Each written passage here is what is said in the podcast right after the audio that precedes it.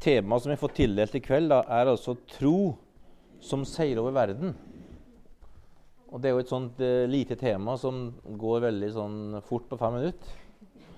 For noen. Men jeg fant ut at det var et ganske stort tema. Så um, er dere klar til litt sånn bibellesing? Så bra. Første, første Johannes brev er en bra plass å starte. Første Johannes brev. Jeg sier brev, men det, sikkert, det, går sikkert an, det her i, i Trondheim. Jeg blir så mobba for når jeg driver og reiser rundt i Norges land vet du, og, deler Guds ord. Det er nesten enklere å reise til utlandet og snakke engelsk. For når jeg sier 1. Johannes brev, så får jeg høre i hvert fall av ti stykker etterpå. Hvis det er ni stykker i møte. Men sånn er det å være født på fjellet. Det, det var ikke mye skyld. 1. Johannes, der står det altså uh, vers 1, da. 5, kapittel 5, vers 1. Enhver som tror at Jesus er Kristus, er født av Gud. Det er ikke dårlig. Og den som elsker Gud, som, er, som har født oss, elsker også den som er født av ham. Det er jo enkelt å forstå. Fordi at du er søsken, så elsker du søsknene dine. For du er født av samme foreldre. Sjøl om du er veldig ulik dem. Du kjenner at vi har samme opphav. Er ikke det sterkt? Det er en bisetning, men det er en veldig viktig bisetning her. Kjennetegnet på at vi elsker Guds barn, er at vi elsker Gud og holder Hans bud. Å elske Gud er å holde Hans bud, og Hans bud er ikke tunge. For alt som er født av Gud, seirer over verden. Og det som har seiret over verden, er vår tro. Så det som er veldig enkelt da, å, å, å, skjønne her, da, det er at når du og jeg tok imot Jesus, så har du født ovenfra av Gud. Det er ikke et sånt uh, menneskelig prosjekt der vi mentalt tar imot en overbevisning, og så aksepterer vi noen teologiske sannheter. I hodet sier at ok, jeg tror på det, og jeg tror på det, og jeg tror på det. Derfor er jeg kristen. Men Johannes snakker om å være født av Gud ovenfra. Og det plasserer oss i en helt annen situasjon. Vi kan gå videre til Johannes evangelium. Det henger jo sammen. Johannes evangelium og Johannes brev er jo veldig lurt å lese sammen. Eh, du merker at det er samme forfatteren som er opptatt av eh, Guds Altså Jesu guddommelighet og vår, vårt, vårt liv i lys av det. I kapittel 1 og vers 12, der sier en Men alle som tok imot ham, dem ga han rett til å bli Guds barn, de som tror på hans navn. Det er ikke født av kjøtt og blod, ikke av menneskers vilje, ikke av manns vilje, men av Gud. Er ikke det bra?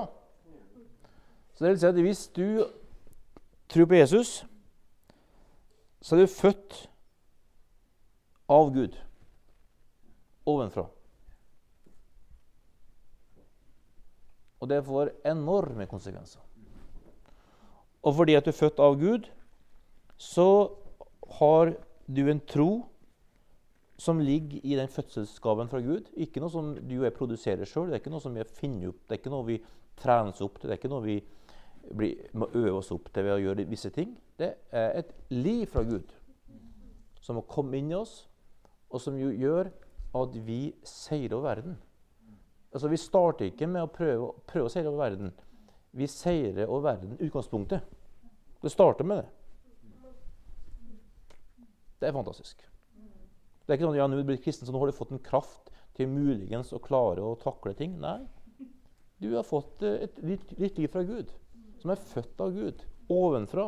Du starter med seier. Det er starten. Det er bra. Det var god, det var god teologi for meg da jeg var 21 år og var oppvokst med med syndig menneske som har krenka det med tanker og gjerninger. Som leste bekjennelsen hver kveld. Gud, hvis jeg har gjort noe synd i dag, så må du tilgi meg. For hvis jeg dør i natt, så går jeg til helvete. Kanskje. Bare hvis jeg ikke vet at jeg har bekjent alle mine synder. Du ble ikke født av Gud. Du, du, tenkte ikke sånn. Du tenkte at Gud var, et, Gud var der med en stor, hellig Gud. Og det er han jo. Han hater synd, og det er helt rett. Og han, og han, eh, kan ikke ha fellesskap med synd, og det er helt rett. Alt er lært var rett. Problematikken var at Jesus var et filter mellom Gud og meg. Og Hvis du gikk utafor det filteret Oi, der kom jeg på sida! Der kom Guds, Guds, dom! Og så må du være innafor. Og hvis Oi sånn, der kom jeg ut på Der! Der kom det! Så du var aldri helt sikker. Du gikk der. Så måtte du da hver kveld bekjenne synder som du ikke visste om. Så jeg lærte, opp, jeg lærte meg å si Tilgi oss alle våre synder, Jesus, også de synder vi ikke visste om. Det der er ikke Guds ord. Guds ord er Gud er hellig. Han hater synd. Han kan ikke fellesskap med synd. Det er helt sant, alt det der. Men når du tar mot Jesus, så blir du født ovenfra. Du blir født av Gud. Du får Guds liv og Guds tro i oss. Det er Guds verk. Et helt nytt liv. Det er gode nyheter. Det der er viktig at vi bare lever i, altså. Og griper tak i. Og, og, og um, bare står på. Ta uh, eh, Efeserne 2.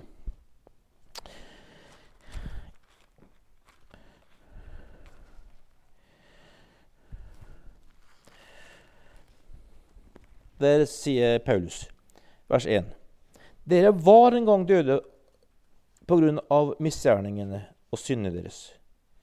Dere levde i dem på den nåværende verdens vis og lot dere lede av herskeren i himmelrommet, den ånd som nå er virksom i de ulydige. Ja, vi levde alle en gang som de. Vi fulgte lystne i vårt eget kjøtt og blod og lot oss lede av det og av våre egne tanker. Vi var av naturen vredens barn, vi som de andre. Her beskriver Paulus verden. Så når jeg bruker 'verden' nå etterpå, senere, så er det her jeg beskriver. Altså en tilværelse, tilværelse der vi ledes av mørkets makter. Jeg skal ikke gå inn på å prøve å legge ut om de tingene der. Men det er faktisk en realitet at den onde har en plan og styrer etter en plan. Der han leder mennesker, og han leder dem ut ifra en, hers en hersker i himmelrommet. Og han er virksom i det ulydige. Interessant. Og så har du, har du lyster og behov som ledes, som folk ledes av. Og så har du det mentale, intellektuelle. Alle de tingene der styres verden av. En miks av de tingene der. Hvis dere fulgte med siste debatten om uh, Frelsesarmeen Kjempeinteressant greie. Jeg håper dere alle melder dere som frivillige gryteståere. Send en mail til Frelsesarmeen eller ring og si jeg vil gjerne stå på gryta deres. Vær litt på nå. Nå er det søsknene våre som får en kamp her. Og vi, vi sitter ikke der og sier hm, ja, det var dumt. Nei, vi er på, vi. Vi er liksom der og tenker søsknene våre har utfordring. De får skikkelig pass fra Rosenborg, som, som, prøver å være politikere i stedet for å være idrettsklubb. Driver fotball det de kan. Alt annet kan de ikke. De prøver å være noe annet enn det.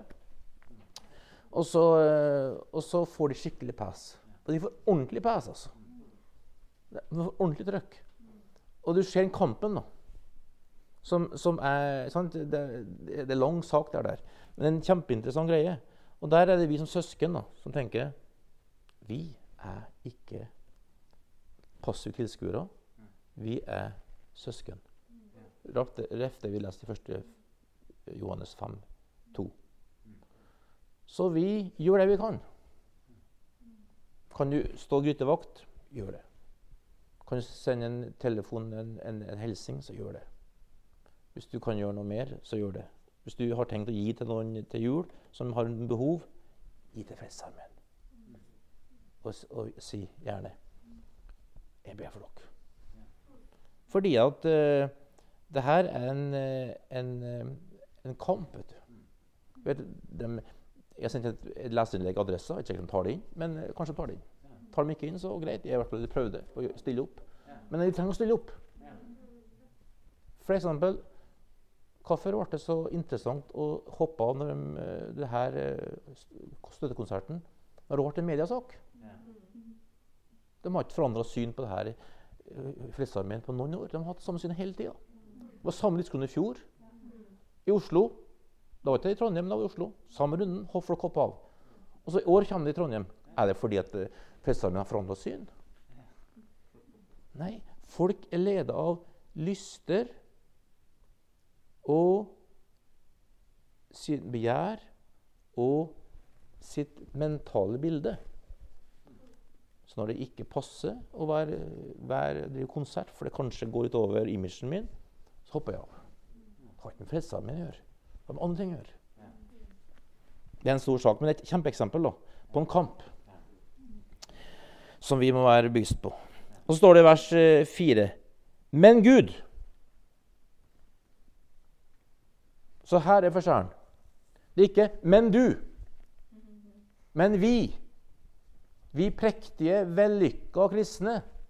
Nei, det Paulus går over fra å snakke om eh, verden, så går han og snakker om 'men Gud' gjorde han noe. Og det er tro. Og Det er det fokuset som, som, som gjelder for, for alle som seirer.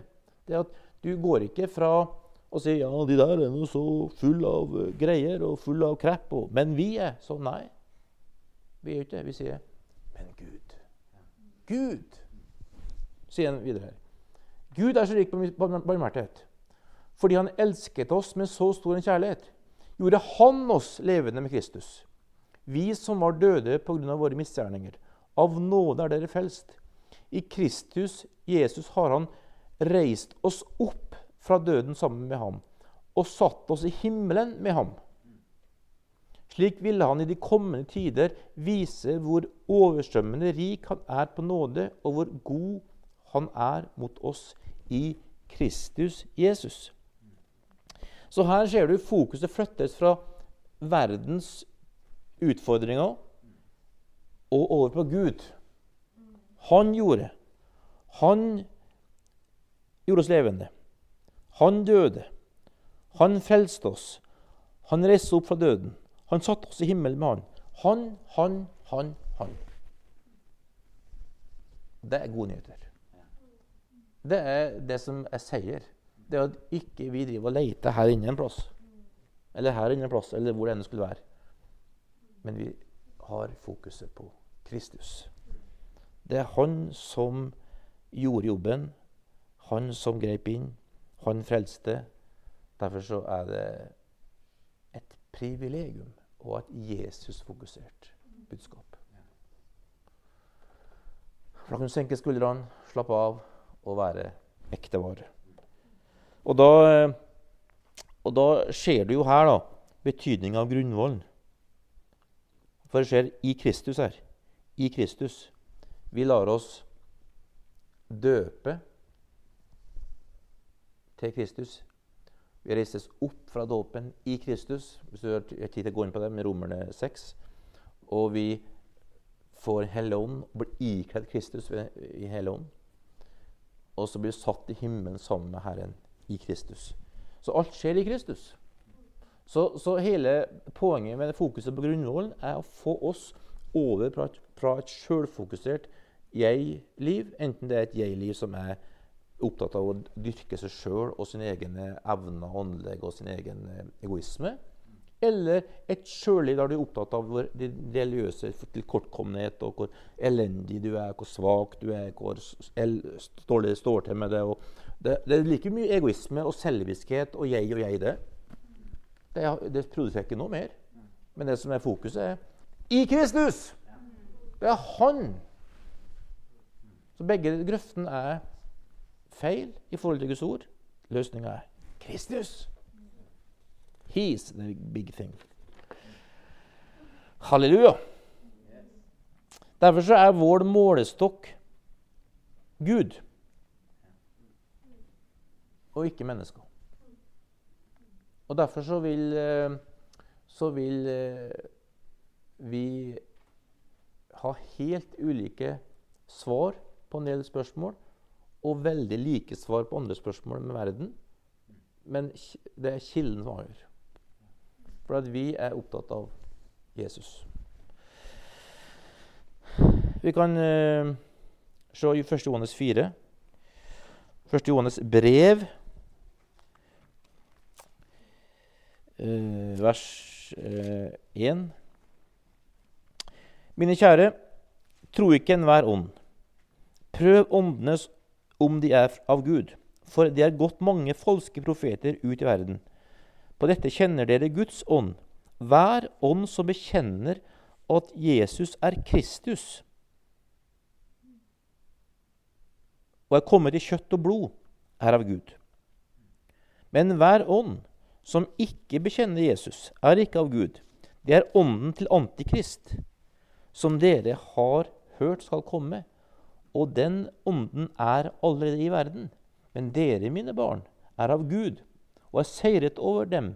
For, ha, for han som er i dere, er større enn han som er i verden.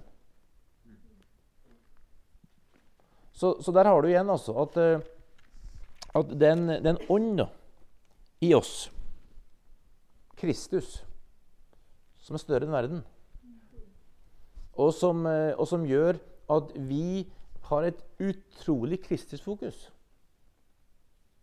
For at den Ånda som er oss, Hellige Ånd, han gjør Jesus stor for oss. Den Hellige Ånd han holdt bare på å fortelle oss til det. Se på Jesus. Du har en dårlig dag, du i dårlig humør. Du har kanskje hatt en uh, dårlig natt. Du har hatt en, en, unge som ikke er helt i vater, og har, det er mørkt ute, og det regner, og, alt, og du kjenner bare alt mulig her inne som prøver å gjøre deg sjølfokusert og frustrert og sint. Da går det helt sikkert utover den personen som nærte deg. Helst ektefellen din eller en, et barn, et eller annet sånt. Og så setter noe her inne og sier 'Jesus, Jesus, Jesus'. Og så plutselig så letter tåka. Og så plutselig så merker du at, uh, at det blir et sånn lyst innvendig. Hjertets øyelys, da, Efeson 2. Ingenting skjer i omstendighetene. Alt er samme omstendighetene. Men du skjønner det at det er ikke fordømmelse ved med Kristus. Du skjønner at det er lov å ha en dårlig dag. Du skjønner at det, det går an å være trøtt og sliten etter dårlig søvn. Det er helt normalt. Det er ikke noe å, å legge seg under og bli, og bli, tatt av. Hvorfor er det sånn? Jo, Hellig Ånd her inne. Han har en oppgave. Det er å få oss til å skjønne Jesus. Kjøtt og blod. Det er et fantastisk liv.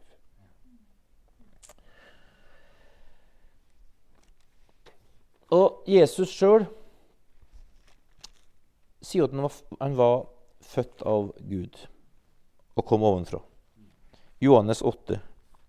Det er et utrolig sterkt eh, vers. Der han, eh, I vers 23.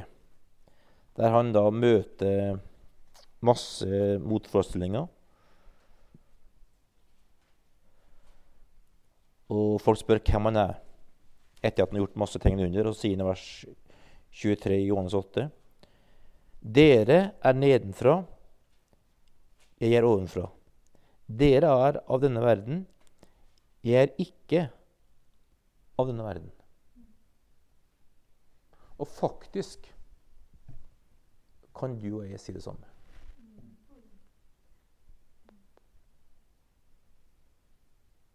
hvis du tror på det vi leste tidligere i dag. De er født ovenfra. Og Hvis du ønsker å se mer om hva det betyr, så les Johannes evangelium. Spesielt kapittel 5, 6 og 7 8. Det er helt fantastisk å lese det der. Det er, kjempekrevende, disse dialogene der. Og det er mye Jesus sier som er veldig rart. Men eh, det er godt å grunne på. Ta, ta 5, 17. Der, der gjør han det som ikke passer seg. Han gjør noe på sabbaten som er helt imot alle koder. Så sier han i vers 17.: Men han sa til dem, min far arbeider til, til nå, også jeg arbeider. Så han har ingen annen begrunnelse enn å si at nei, du skjønner, jeg, har, jeg ser noe her oppe. Pappaen min han gjør ting nå. Samme gjør jeg. Ja, men Nei. Wow, wow, wow. Jeg gleder meg til at du og jeg er så sterke Jesus at ingen her sier 'pass det seg'. Det er ingen som det, det, er ikke et relevant spørsmål. Er spørsmålet hva sier Den hellige ånd her inne? Da får du det som Jesus snakker om, et bilde av Kristi kropp som er høyde og lengde og bredde og dybde. Enormt mangfold.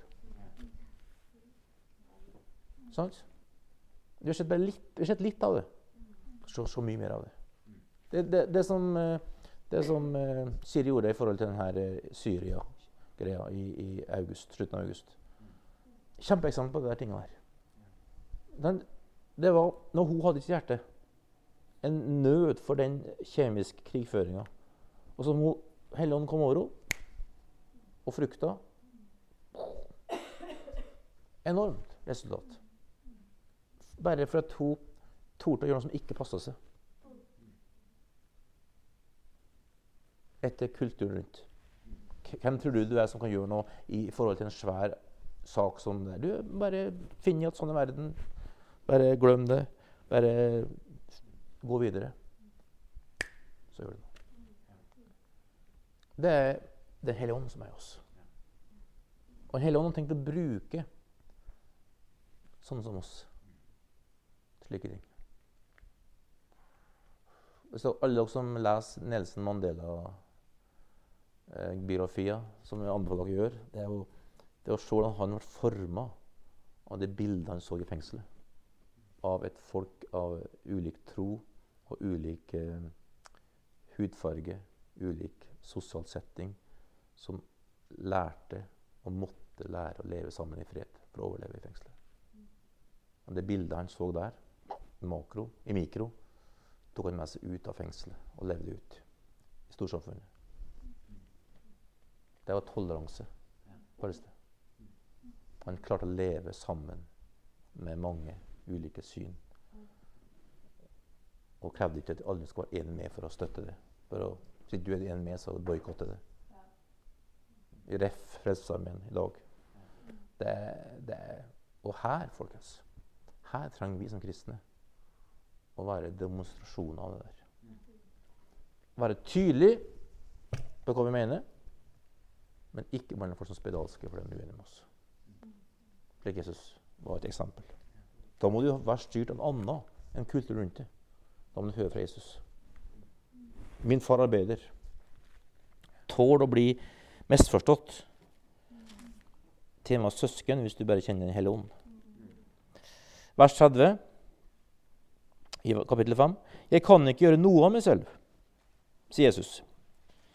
Jeg dømmer etter det jeg hører, og min dom er rettferdig, for jeg søker ikke det jeg selv vil, men det Han vil, Han som har sendt meg. Det her er en svær greie. Nemlig du møter ting som du reagerer på. Som en norsk, hvit, vestlig kristen. Og så sier Herren Jeg vet, jeg er ikke norsk. Jeg er ikke hvit. Jeg er Gud. Jeg har faktisk en mening om ting her. Kan du klare å trenge gjennom den kulturelle gapet og koble det på meg, så tenker du kanskje helt annerledes om tingene her.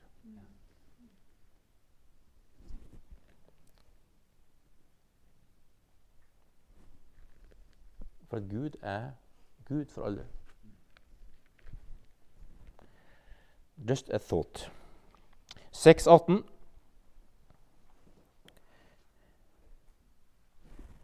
Nei, det er feil.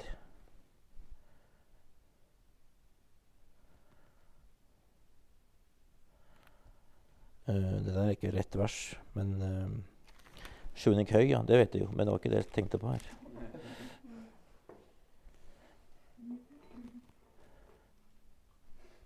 Nei, det er, så, det er ikke så farlig. Vi trenger ikke ta det. Men altså, altså hele, poenget er da, det at Jesus demonstrerte med sitt liv at han var styrt ovenfra av Gud. Kobla på Gud. Og møtte enhver situasjon med Guds visdom og Guds hjertelag, Guds nåde. Og det samme har han tenkt at vi skal få leve i. Og det er ganske revolusjonerende. Det er ikke sikkert at det er overvinnelse i tro ved at du får masse fortjenestemedaljer og masse ære. Jesus sjøl ble jo ikke behandla sånn, men han gjorde det Gud ba om. Og eh, da kan du da spørre hvordan skal dette skje? Eh, hvordan er det mulig? Hvordan er det her mer en ønsketenkning og, og uh, drømming bort fra realiteter? Jo, det er her vi har fått da den fantastiske gaven som heter Den hellige ånd. Og som da er La oss lese Johannes 14, en vers sammen der.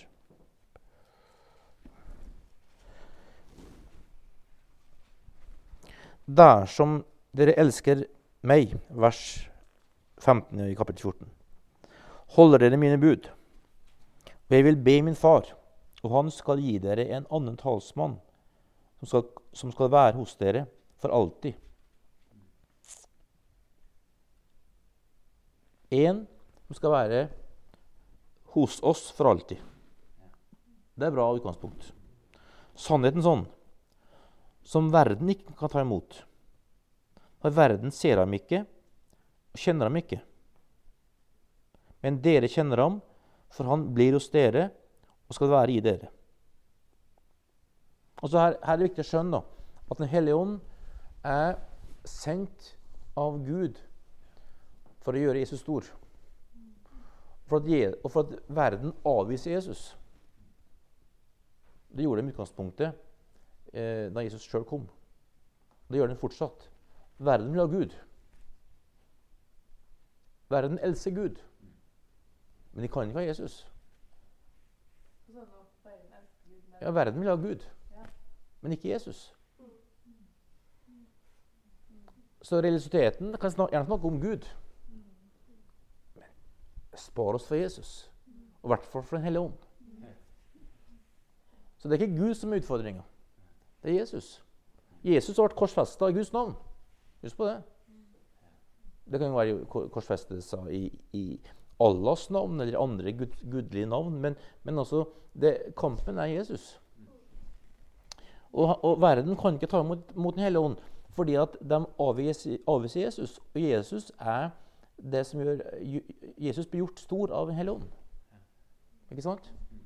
Så, så her sier da Jesus eh, gjennom Johannes at verden kan ikke ta imot Helligånden. Så, så, det er veldig, veldig viktig å skjønne at, at, fordi at vi har Den hellige ånd, så ser vi på ting på en helt annen måte. Forstår ting på en helt annen måte. Verden har ikke nubbesjanse til å skjønne her. Det, det, det, um, det er uforenlig. Så det ligger i korta. Det ligger en konflikt her.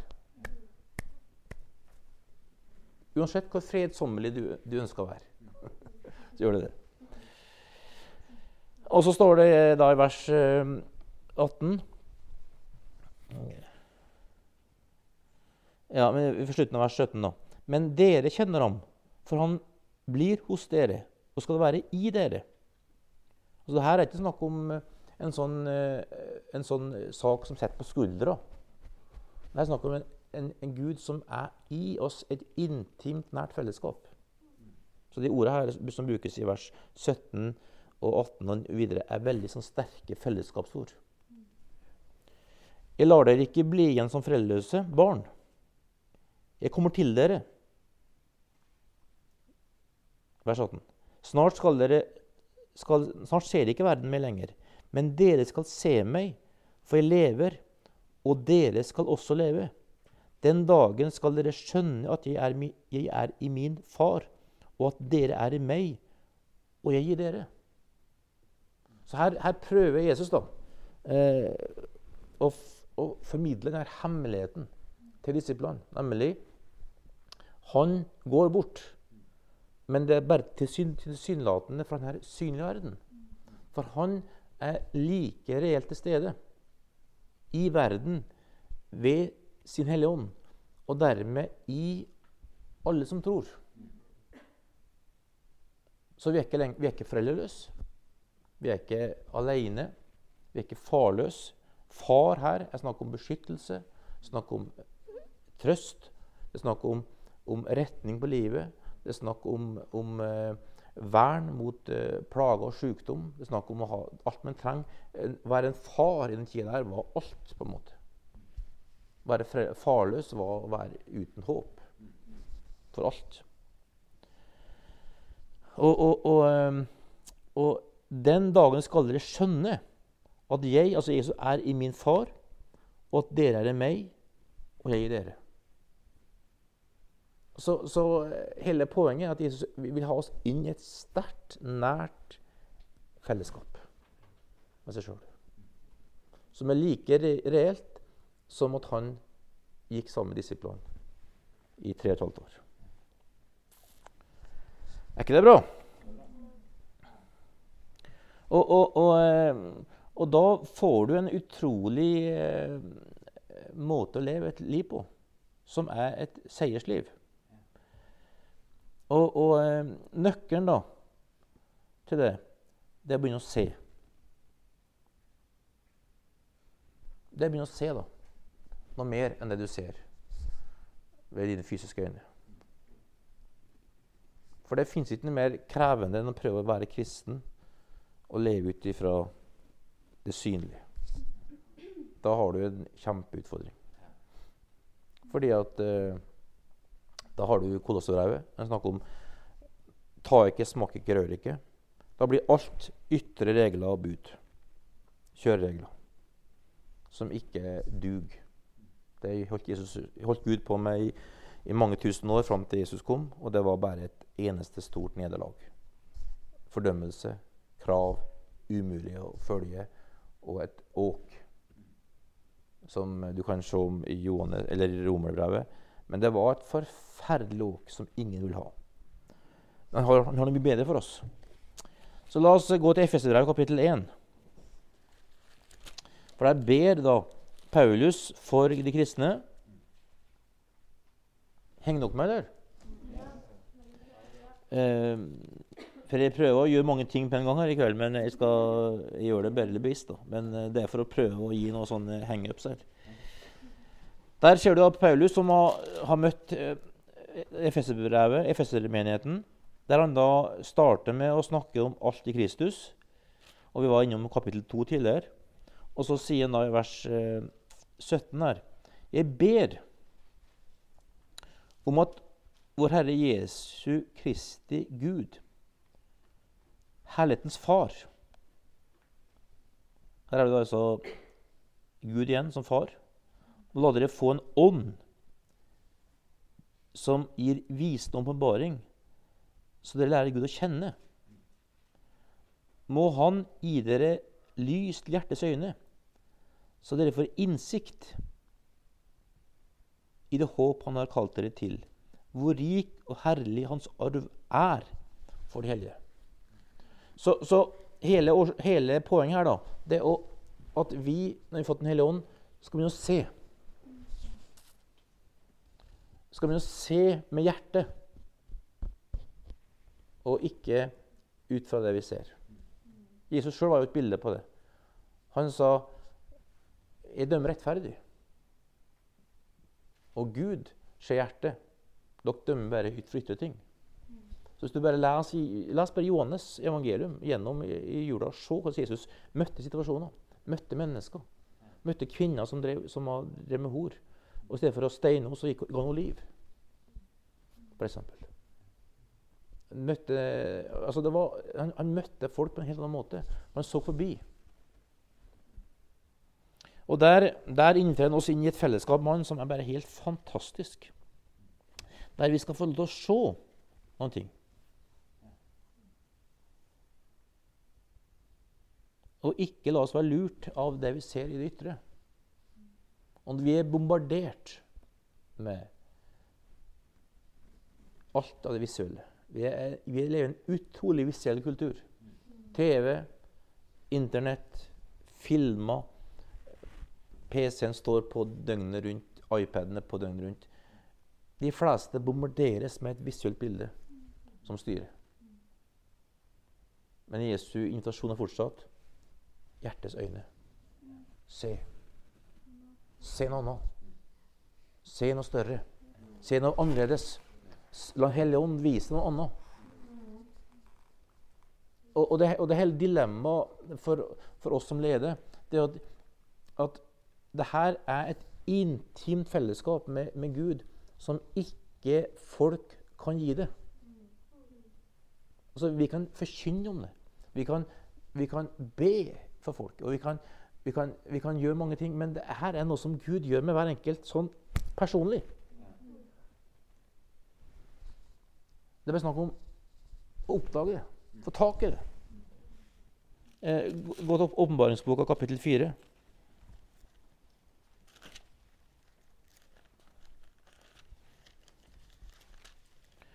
Der, eh, der eh, har du altså Paulus, som er Pat i Patmos, Patmosøya.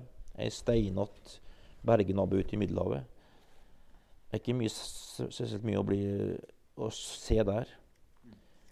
Eh, det synlige. Men så eh, får en se noe fra Gud, da. Og så ser du her, da, kapittel 4, der eh, han da får denne beskjeden. Vi kan ta fra vers 1 der. Deretter så jeg, så jeg, og se, en dør var åpnet i himmelen. Den røsten jeg før hadde hørt tale med klang som av en basun, sa til meg, Stig opp hit, så vil jeg vise deg det som heretter skal skje. I det samme kom ånden over meg, og, og se, i himmelen sto det en trone, det satt en på tronen. Han som satt der, så ut som jaspis og karneol, og tronen var omgitt av en regnbue. Den var av smaragd. Så begynte han å beskrive da, tronen, himmelen og lovprisninga. Så her, skjer, her er altså eh, Johannes som er omgitt, alene, forvist, fullstendig avsondra fra alt som gir livet mening og innhold. som møter en Gud. Så skriver han Jonas' oppmaring.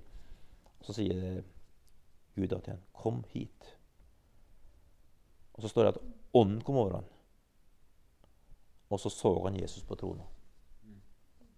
Og så hørte han lovprisning, og så hørte han eh, tilbedelse. Og så så han at ingen keiser som har drept alle hans andre apostelvenner, og som har forvist han med sin makt Ingen av dem har makt i forhold til Gud, som har siste ord, og som har all makt. Og så eh, får han se noe helt annet. Og så har han da skrevet en bok som har inspirert Guds folk i 2000 år. Uten noe annet enn å være forvist på ei øy alene. Og det, det er Guds invitasjon til oss. Kom hit. Se. Og, da, og da, Det første du ser, da Du ser en trone. Og det sitter en på en trone. Det første du ser, er Jesus har seira. Du starter ikke med 'Gud, kan du prøve å gjøre et eller annet?' Her? Nei, Gud sier 'kom og se'. Så Gud tar oss ifra å prøve å vinne seier til å åpne opp så vi ser hva han har gjort. Så vi ser hva Jesus har gjort på korset. Han har sona all synd. Han har tatt all sykdom, forbannelse. Alt hengte han opp på treet. Han har vært i grava, så døden er ikke slutten. Døden er ikke det siste. Døden er beseira. Og jeg, og jeg ber hver eneste uke, og jeg drømmer ofte, at Gud skal reise opp noen. Noen i Norge.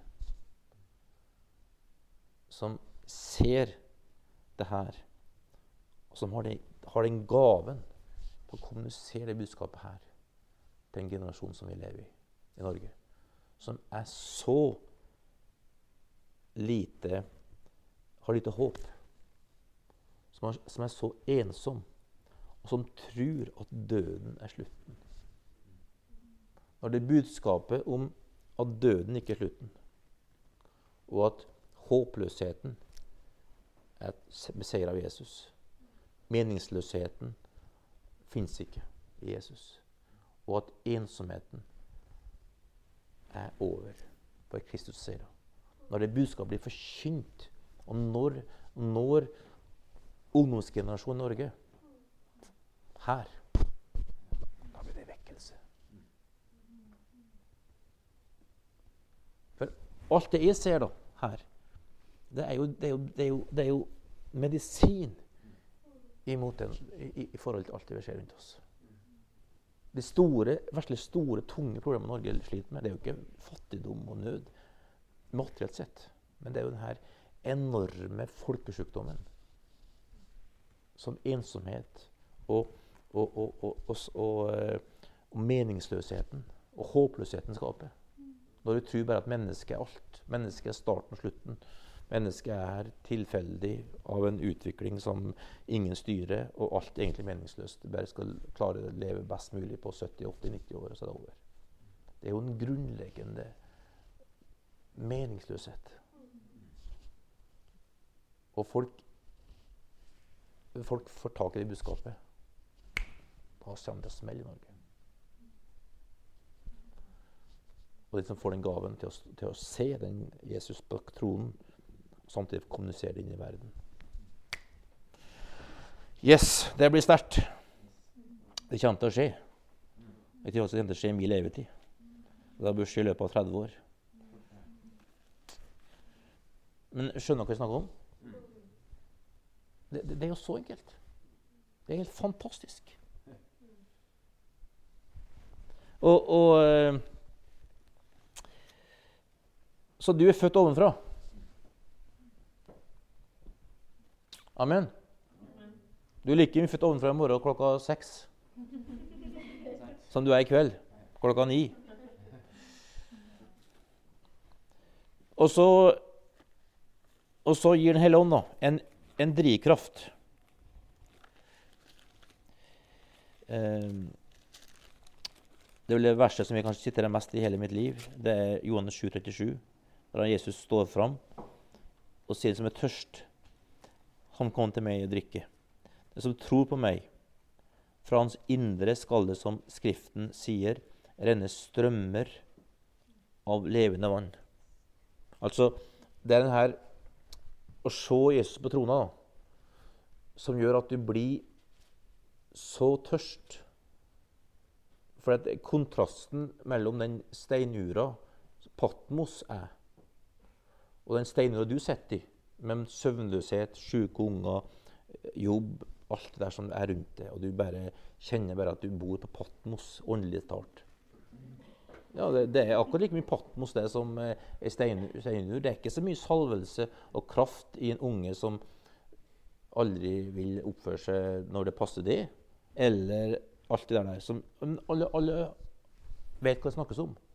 Men som da, i den situasjonen der, har nok tørste da, til å si 'Herre, jeg vil se deg'. Da har du en motivasjon. da. Fra hans indre skal det, som, her, som Skriften sier, en strømmer og levende vann. Det, det, det der, det der eh, Jeg hørte jo denne eh, forkynnelsen fra forrige søndag, eh, eller for tre uker siden fra Jabbesbøen. Fantastisk artig å høre. Og artig å se hvor mange forkynnere vi har blant oss. Det er veldig sterkt. Men det er det her at omstendighetene ikke styrer oss. Fordi at vi er ikke under, vi er satt i himmelen med Jesus.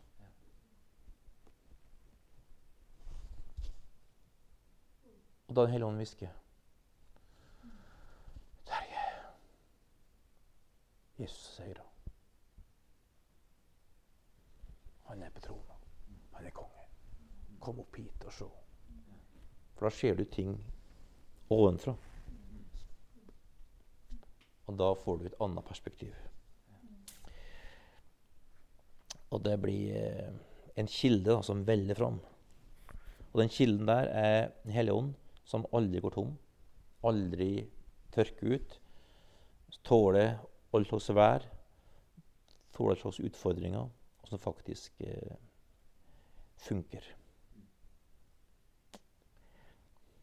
Og eh, da tror jeg faktisk at Gud vil for oss i 2014.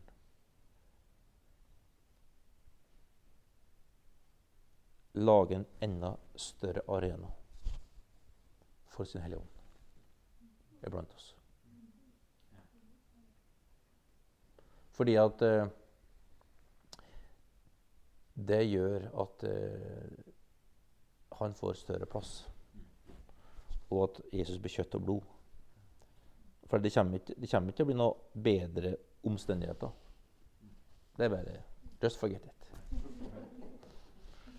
Det, noe, det er ikke der det ligger. Det ligger ikke der det ligger i at vi ser. Det ligger at vi kommer ovenfra. Og Da er det et kjempeinteressant vers da, som jeg har grunna mye på det siste året. Eh, det er Salme 135, vers 16.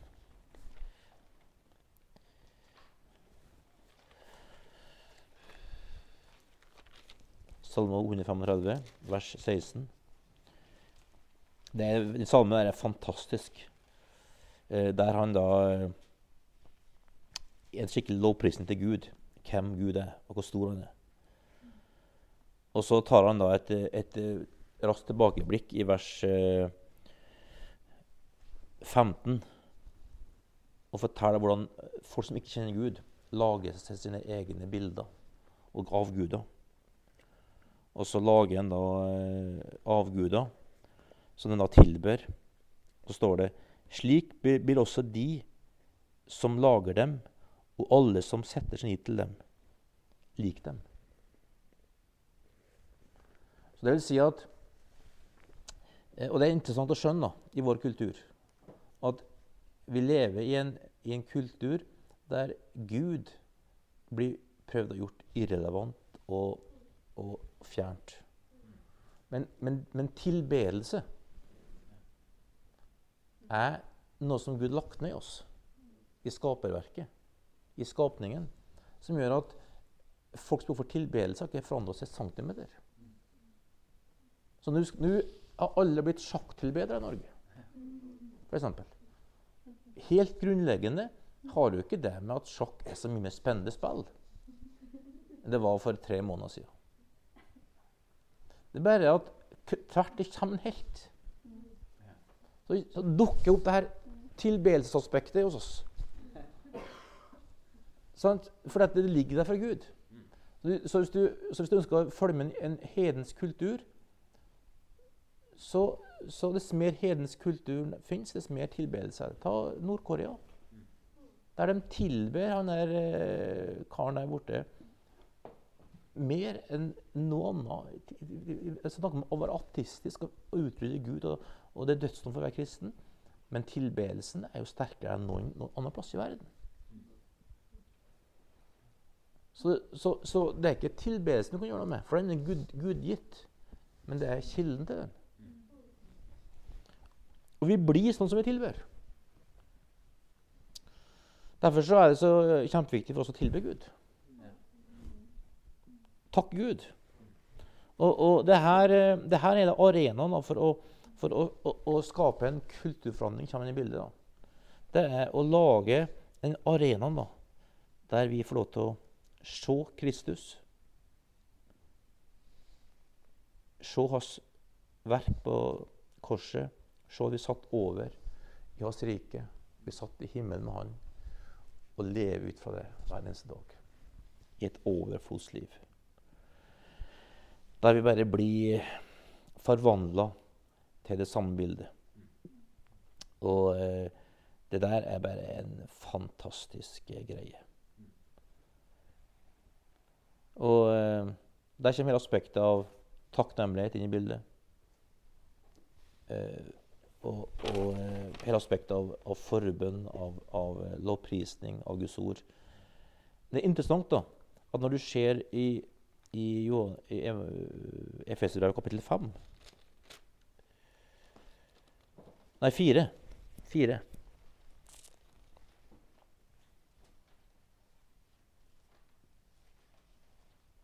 Så, så uh, snakker han om å gjøre Hellig omsorg. sorg.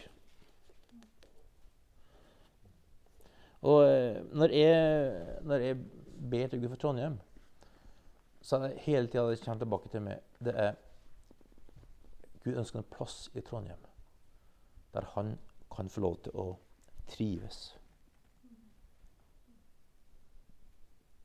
Der han kan få lov til å være hjemme.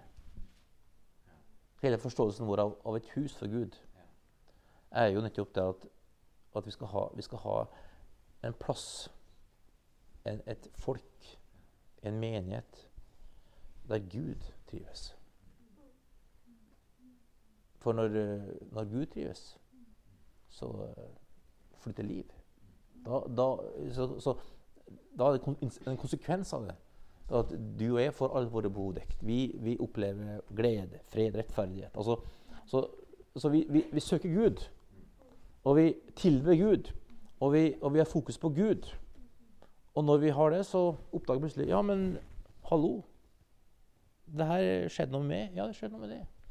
For han er sentrum. Og det er, det er fantastisk da, Og, å, å, å skjønne den, den, den, greia der. For da da blir vi et folk som forlater sjølfokuset vårt for å gi Han sentrum til å være tilværelsens midtpunkt. Og så, når Gud trives, så skjer det noe fantastisk rundt hele byen.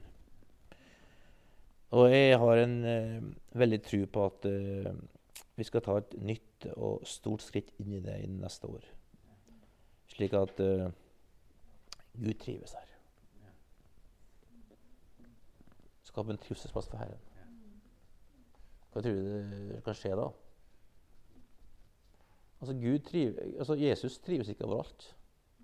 Bare, bare tenk på evangeliet. Tenk på, tenk på altså Les salmene og finn ut hva trives Gud med. Jeg har noen, noen gode tips. Men, eh, men la oss lese Efesene 4 vers 29. Eh,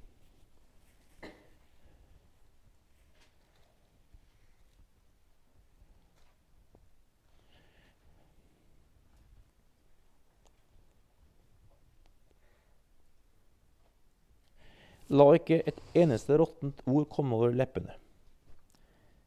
Si bare det som er godt, og som bygger opp der det trengs så det kan bli til velsignelse for dem som hører på.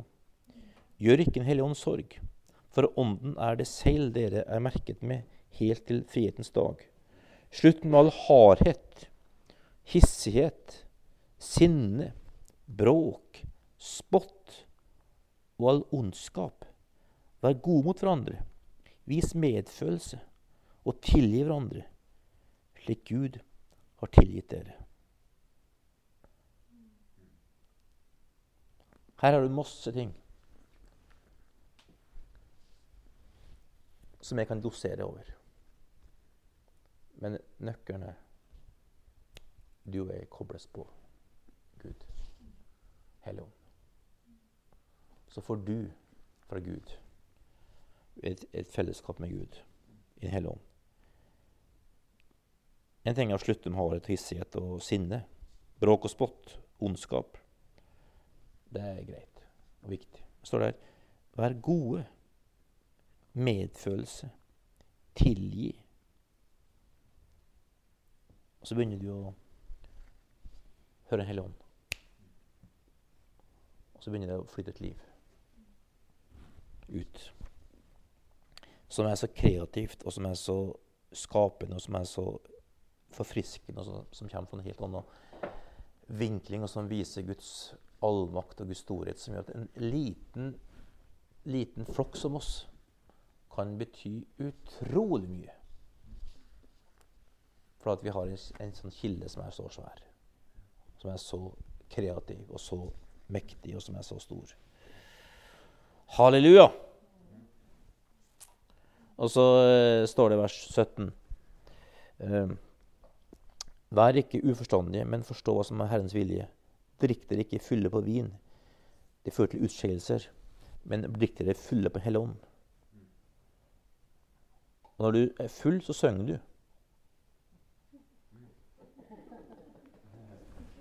Du gjør det. Er det sant? Hvis ikke, du, hvis ikke har opplevd det, så dra til en pub i England. Klokka begynner å bli halv elleve, så begynner alle å synge. De er fortsatt uh, OK, altså. De er ikke stygge, men de synger. Jeg syns det er kjempeartig. Og så, og så står det salm, 'sammen'. Og så står det 'syng og spill hjertet for Herren'. Takk alltid Gud og Far for alt i vår Herre Jesu Kristi navn. Jeg, jeg har en, et bønn for oss i 2014. Og vi skal få lov til å være så fulle av Hellig Ånd. Sammen. At, uh, at uh, vi begynner å synge. Takke Gud. Lovprise Gud. Uten de her sperrene. Vet du hva som skjer når du blir full av, full av uh, noe annet enn Hellig Ånd? Det forsvinner og sperrer. Som de, de sperrene gjør at du, når du er full av alkohol eller annen rus, gjør ting som er usømmelig. For egoismen får flyte.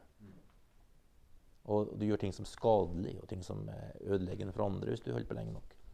Men når du blir full av Hellig Ånd, så skjer det helt annet. For det har Jesus som sentrum, ikke oss. Så, så, så full, full, å være full Hellig Ånd gjør at Jesus blir et felles midtpunkt. Ikke min egoisme og mine behov, men Jesus. Så takknemligheten og sangen og livet Alt bare vi, vi, vi, vi, legger av det her hva passer seg, og hva fint, og hva gjør dem her, og hva kulturen her, og hva har jeg lært opp til. Nei da, du bare, du bare blir Å, halleluja! Du legger deg opp, og så begynner du å le ut herfra. Kilden som velger fram. Og så blir det et sånt uh, liv, altså. Det blir, sånn, det blir en sånn og det, det, En ting er samlinger som det her. Det, det er jo fantastisk. Men kultur ute på Siemens, på St. Olavs, Nidaros trafikkskole, på Høgskolen i, i Sør-Trøndelag, på Nav, på, i teatret. Altså herfra. Et liv som, som flyter. Fordi at det er en del sånne som er borte. Og det er sperrer som Gud elsker å ta bort.